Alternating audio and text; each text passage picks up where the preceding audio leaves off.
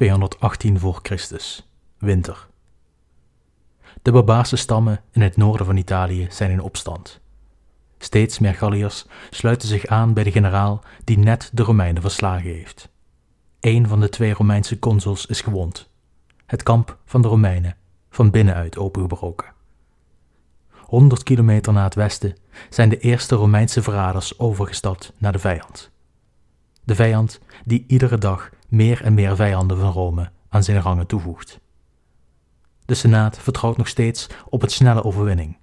De volgende slag, onder leiding van consul Tiberius Sempronius Longus, zou de overwinning brengen. Daar was men van overtuigd. Welkom bij aflevering 55 van de geschiedenis van het Romeinse Rijk. De Tweede Punische Oorlog, deel 5. De slag bij de Trebia.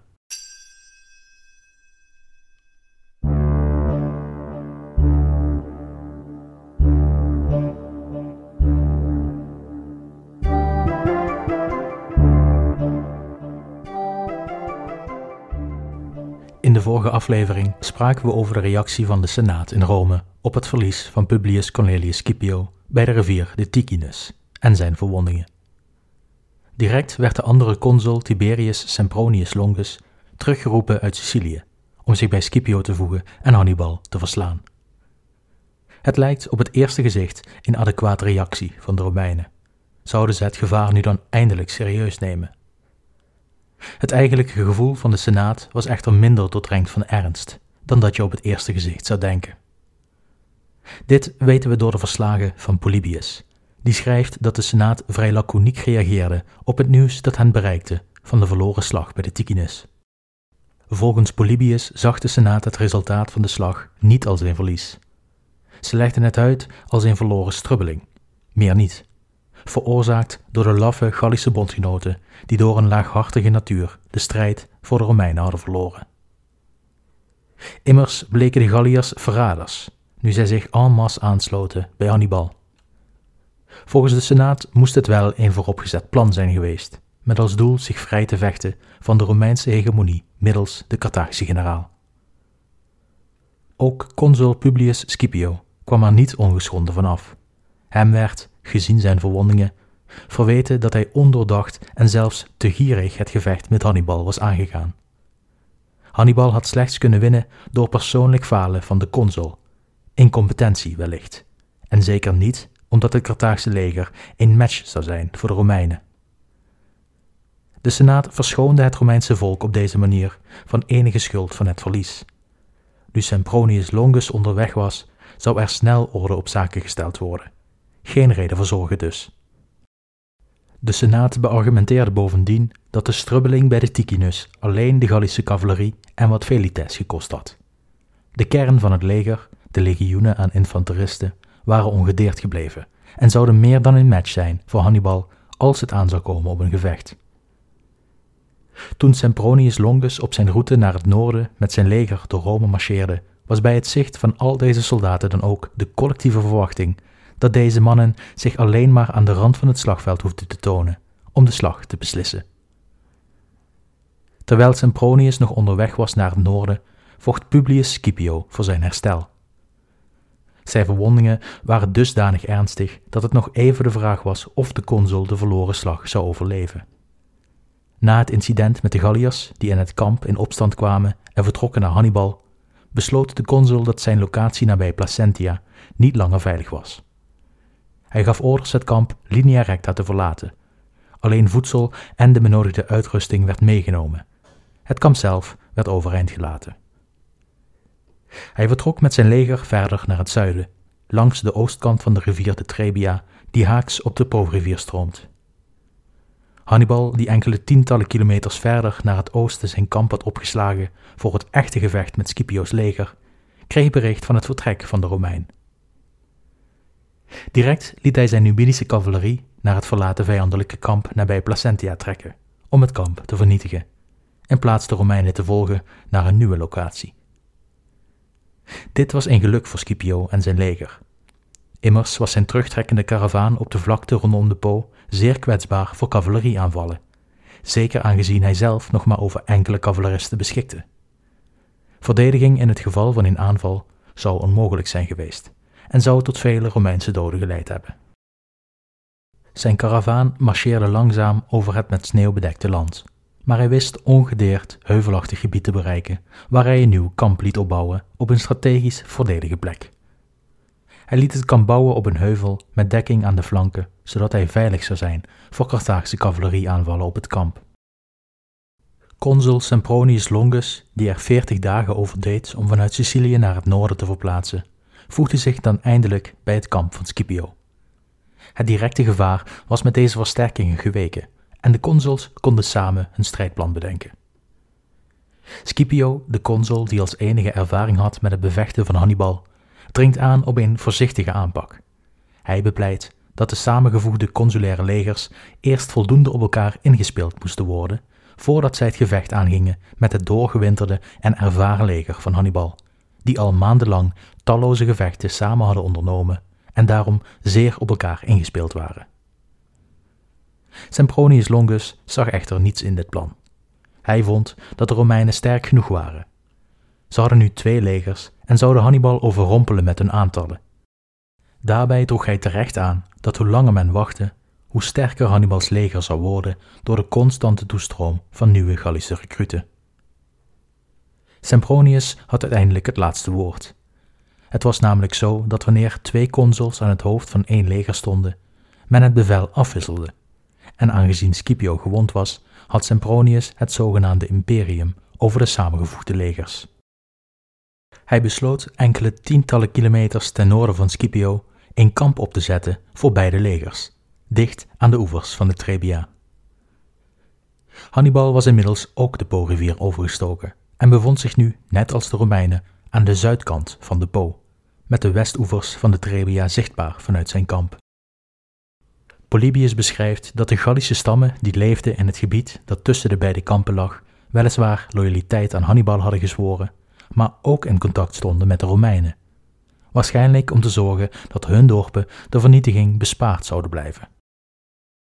Hannibal, die op zijn beurt vreesde dat de Galliërs bij het zicht van het grote Romeinse leger hun loyaliteit aan hem zouden heroverwegen, besloot zijn Numidische cavalerie naar de dorpen te sturen, om de dorpen te plunderen als boete voor de onderhandelingen met de Romeinen. Die ochtend trokken de Numidiërs richting de dorpen. Vele Galliërs werden gedood en grote hoeveelheden aan buit werden op de paden geladen om mee terug te nemen naar het kamp. Enkele Gallische stamhoofden trokken vervolgens in alle haast naar het Romeinse kamp en vroegen hen om bescherming.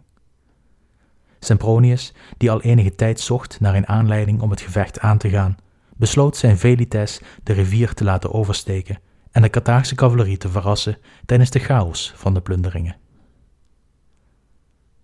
De velites marcheerden uit het Romeinse kamp, staken de ijskoude rivier over en wisten de Numidiërs inderdaad te verrassen. In de chaos van de plunderingen wisten de Romeinen steeds kleine groepen cavaleristen te onderscheppen en hen uit te schakelen.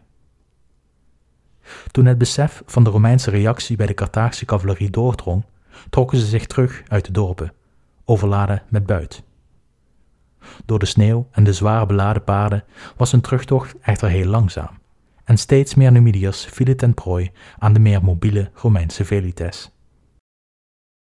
Als Hannibal niets zou doen, zou het merendeel van zijn troepen sneuvelen op een terugtocht naar het kamp.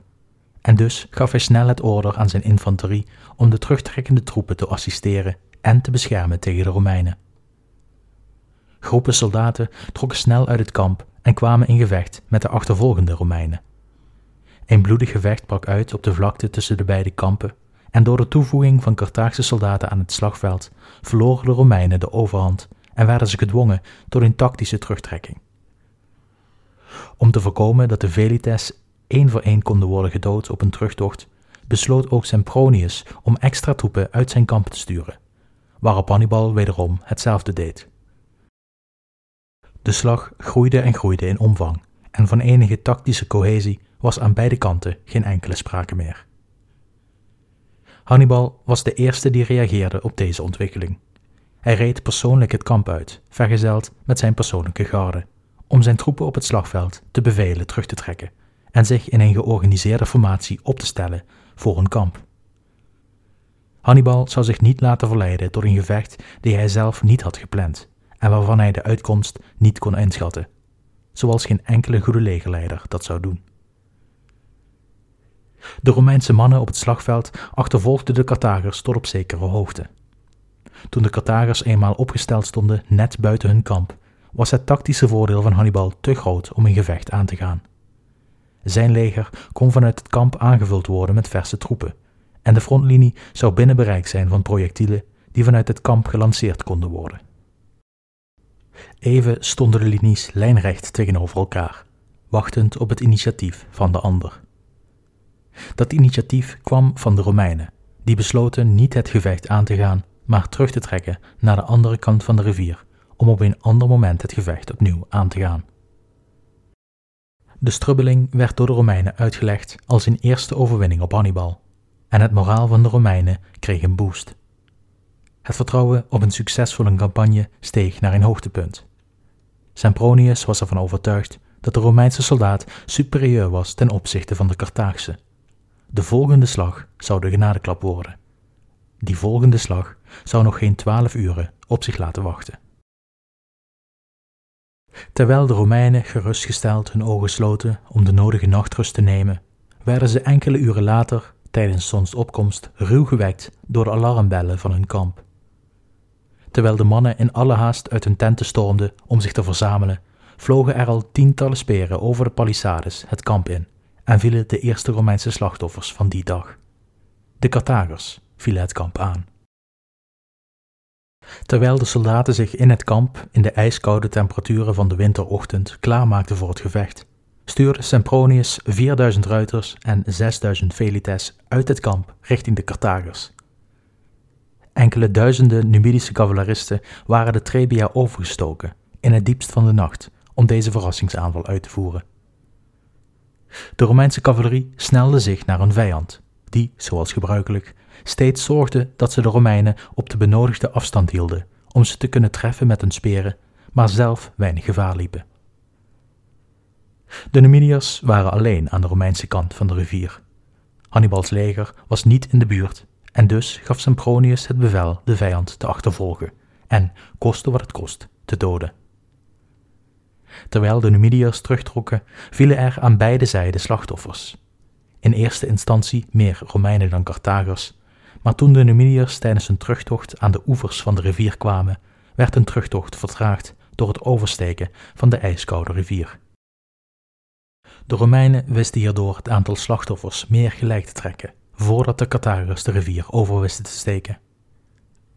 In de tussentijd waren de mannen in het Romeinse kamp klaar voor het gevecht. 30.000 infanteristen trokken in een kolom van 3,5 kilometer lang uit het kamp en richting het slagveld. Sempronius had zijn volledige leger gemobiliseerd om Hannibal uit te dagen voor het gevecht. Maar van uitdagen was er lang geen sprake meer. Hannibal stond namelijk al klaar op de vlakten aan de andere kant van de rivier. De slag zou vandaag hoe dan ook plaatsvinden. De Numidiërs gebruikten de vertraging die de ijskoude rivier aan de Romeinse ruiters toebracht om snel terug te trekken naar Hannibal. De achtervolging was ten einde en de Romeinen gebruikten de tijd om zich op te stellen aan Hannibals kant van de rivier. De 30.000 soldaten, 6.000 velites en 4.000 ruiters trotseerden de ijskoude wateren van de Trebia om aan de andere kant te geraken. Het duurde maar liefst enkele uren voordat de Romeinen allemaal de rivier overgestoken waren en zich hadden opgesteld in gevechtsformatie. De Romeinen waren doorweekt met ijskoud water. Sommigen stonden enkele uren bij temperaturen rond het vriespunt te wachten tot de formatie gevormd was. Het weer was schuur, de wind ijzig. Bovendien acteerden de mannen op lege maag. De verrassingsaanval en de gevergde snelle reactie maakten dat de mannen niet hadden kunnen ontbijten. Het was een desastreuze tactische fout begaan door Sempronius, die zich in tegenstelling tot Hannibal maar al te graag liet uitlokken door een onvoorbereid gevecht.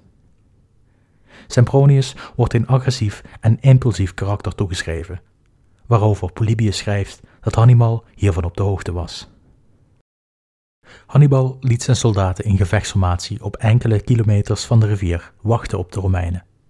Hij ondernam geen bewegingen om de Romeinen aan te vallen, maar liet hen in zijn richting komen, wellicht om de duur van het gevecht te rekken en het gure weer de kans te bieden de Romeinen verder en verder te verzwakken. Wetende dat zijn mannen met gevulde maag en bovenal droog een voordeel hadden op de hongerige, kletsnatte en ijskoude vijand. Hannibal had zijn leger als volgt opgesteld. Hij spreidde zijn leger over een relatief dunne linie, ver uitgestrekt, met geen reservetroepen erachter. Zijn Gallische troepen stelde hij op in het centrum, met zijn zwaarder bewapende Iberische troepen aan hun linker en rechterzijde. In totaal had Hannibal 20.000 infanteristen tot zijn beschikking.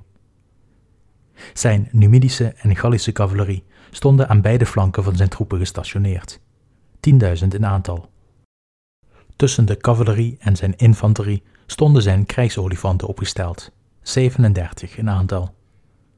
Tot slot stonden zijn Balearische steenwerpers, of slingers geheten, iets voor zijn linie opgesteld om de vijand nog voordat zij de Carthagische linie bereikten aan te kunnen vallen.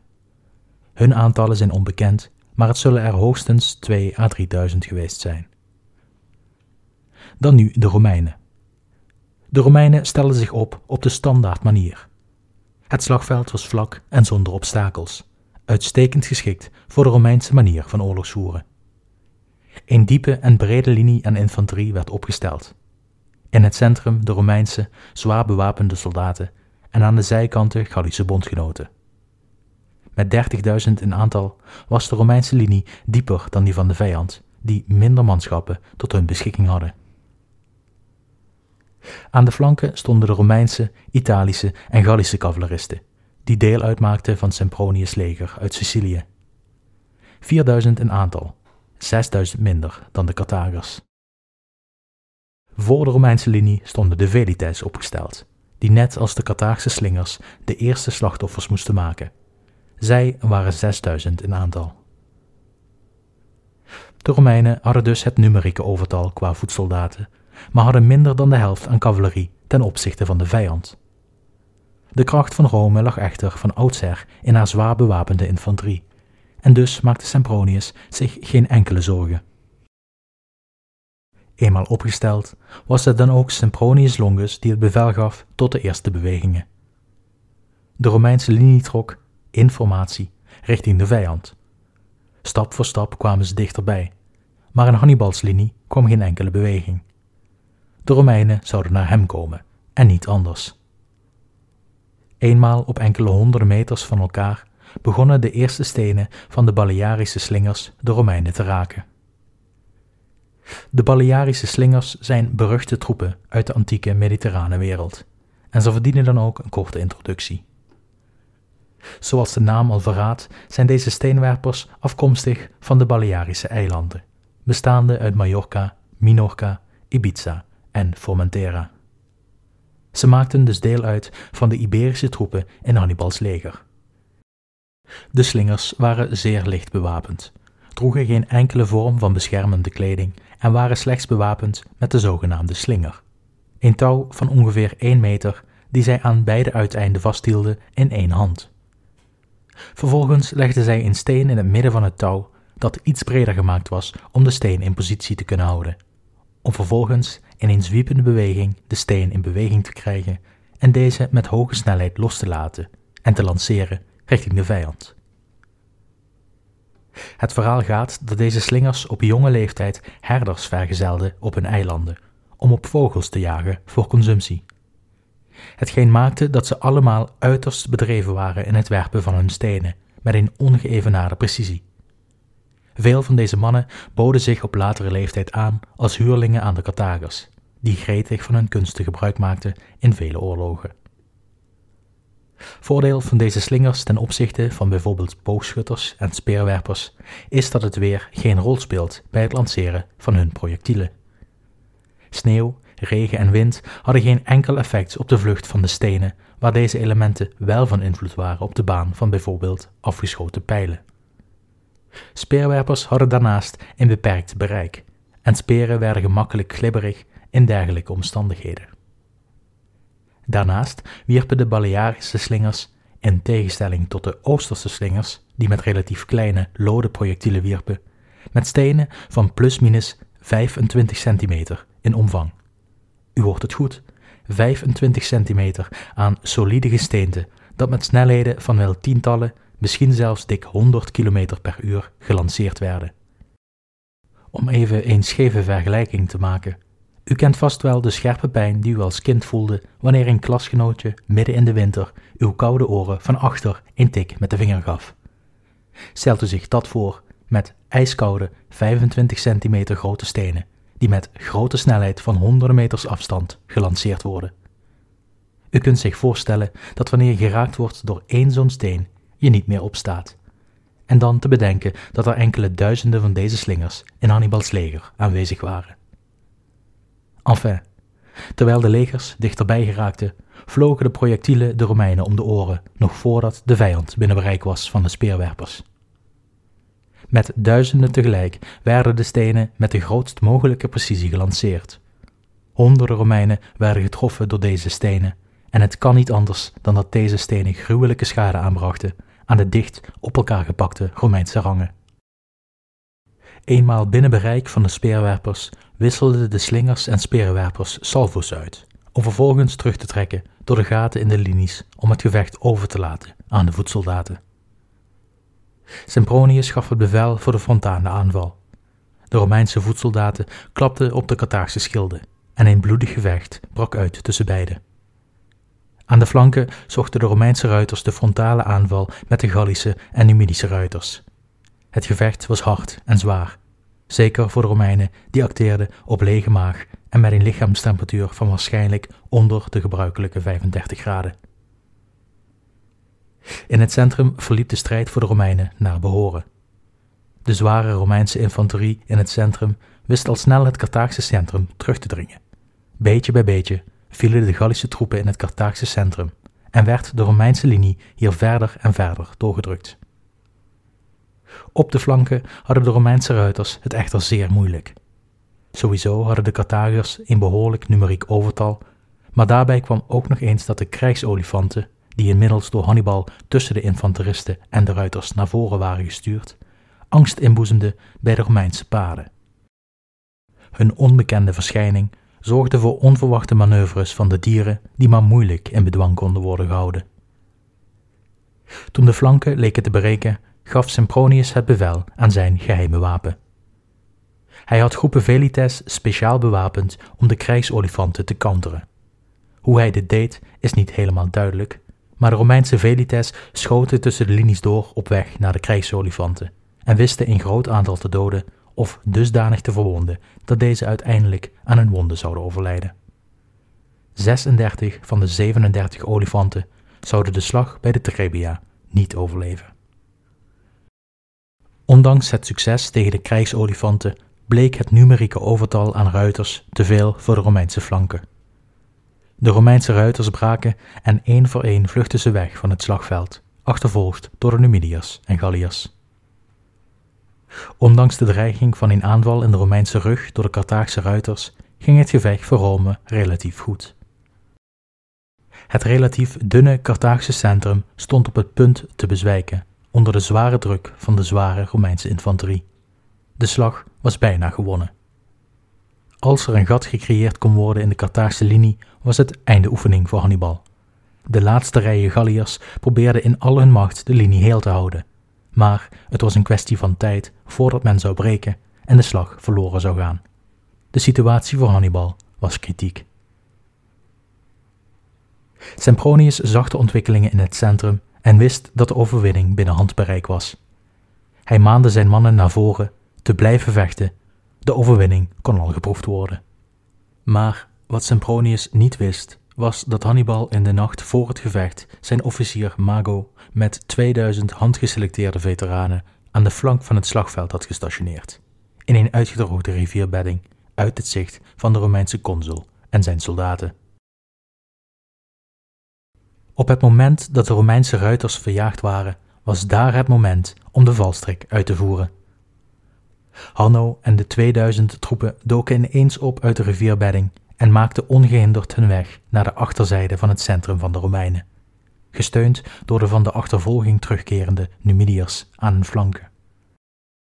Met hun volle 2000 veteranen kwamen de Carthagers aan de achterkant van het centrum van de Romeinse linie aan en vond zich in slachtpartij plaats.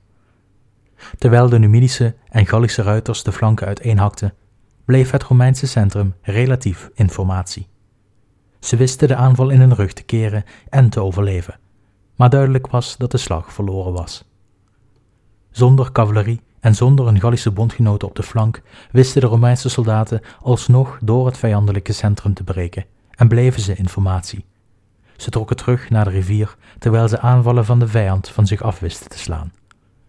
Sempronius Longus en de cavalerie bevonden zich inmiddels al aan de Romeinse kant van de rivier. En de Romeinse soldaten wisten dankzij een grote organisatie wonder boven wonder Placentia te bereiken. Hannibal had de Romeinen wederom tactisch verslagen. De slag was verloren. De Romeinen verloren bij de slag bij de Trebia maar liefst 28.000 van de 40.000 infanteristen en ruiters, terwijl Hannibals leger slechts 5.000 manschappen verloor en 36 van zijn 37 krijgsolifanten. Alleen het verlies van de krijgsolifanten was een kleine nederlaag voor Hannibal, maar de slag bij de Trebia had hij glansrijk gewonnen. Het winterweer zorgde ervoor dat vele mannen, met name Romeinen, alsnog het leven lieten na afloop van het gevecht. De verwondingen en onderkoeling bleken voor veel mannen als ook dieren te veel, en de slachtoffers liepen in de uren en dagen na het gevecht alsnog op. Het Romeinse leger van Sempronius was uiteengeslagen en zocht onderdak in verschillende steden in de buurt. Sempronius probeerde het nieuws van zijn nederlaag te verhullen voor de Senaat en het volk. Hij stuurde direct na zijn nederlaag mannen naar de Senaat met het verhaal dat er een slag zou plaatsvinden, maar dat deze op het laatste moment onmogelijk werd door een grote storm die opstak. In de dagen erna sijpelden berichten tot de Senaat door dat verwonde en uitgeputte Romeinse soldaten aankwamen in verschillende steden in de omgeving, en dat Hannibals kamp nog steeds vier overeind stond nabij de Trebia. Langzaam maar zeker kwam het besef dat er wel degelijk een slag had plaatsgevonden en dat Hannibal de overwinnaar was. Als gevolg van dit nieuws breekt paniek uit in de Senaat en in Rome. Men vreest een directe aanval op Rome zelf of andere kwetsbare plekken van de Republiek. Direct gaat men over op het recruteren van nieuwe manschappen, die naar verschillende plekken in Italië worden gestuurd. Naar Sardinië, Sicilië en Tarentum allemaal plaatsen waar een eventuele invasie zou kunnen plaatsvinden. Consul Publius Scipio en Sempronius Longus breken hun kampen af en trekken verder terug naar het zuiden, weg van Hannibals leger. Ze slaan hun winterkamp op op een veilige plek waar Hannibal ze niet kon bereiken. Het winterweer van januari en februari zorgt ervoor dat het campagneseizoen van 218 voor Christus eindigt. Hannibal slaat zijn winterkamp op nabij Placentia en het is wachten tot de lente zijn intrede doet. Intussen zorgt het nieuws van de Romeinse nederlaag voor een nieuwe toestroom van Gallische troepen naar Hannibals kamp, die daar zijn nieuwe troepen traint voor het volgende seizoen. Scipio zou uiteindelijk herstellen van zijn verwondingen en nog terugkeren als consul van Rome terwijl Sempronius terugkeert naar Rome om de verkiezingen voor de nieuwe consuls van 217 voor Christus te organiseren. Hij keert nog eenmaal terug in ons verhaal in het jaar 211 voor Christus. De Romeinen hadden dan wel de slag in het noorden van Italië verloren. In Iberië waren de eerste successen geboekt. Het leger dat eerst onder leiding stond van Publius Scipio was vanuit de Rhône doorgevaren naar Iberië onder leiding van Scipio's oudere broer, Caius Cornelius Scipio Calvus. Al hier behaalden zij in eerste instantie kleine overwinningen, wat de Romeinse positie in Noord-Iberië consolideerde, om vervolgens bij de Ebro in conflict te komen met Hasdrubal, die de opdracht had Iberië te beschermen en de bevoorrading naar Hannibal in stand te houden. De afloop van dit gevecht zal grote gevolgen hebben voor de oorlog en is onderdeel van de volgende aflevering. Afhankelijk van de tijd zullen we dan misschien ook de slag bij het Trasimeense meer behandelen. Maar voor nu zit het er weer op. Ik hoop dat u genoten heeft. Bedankt voor het luisteren en tot de volgende keer.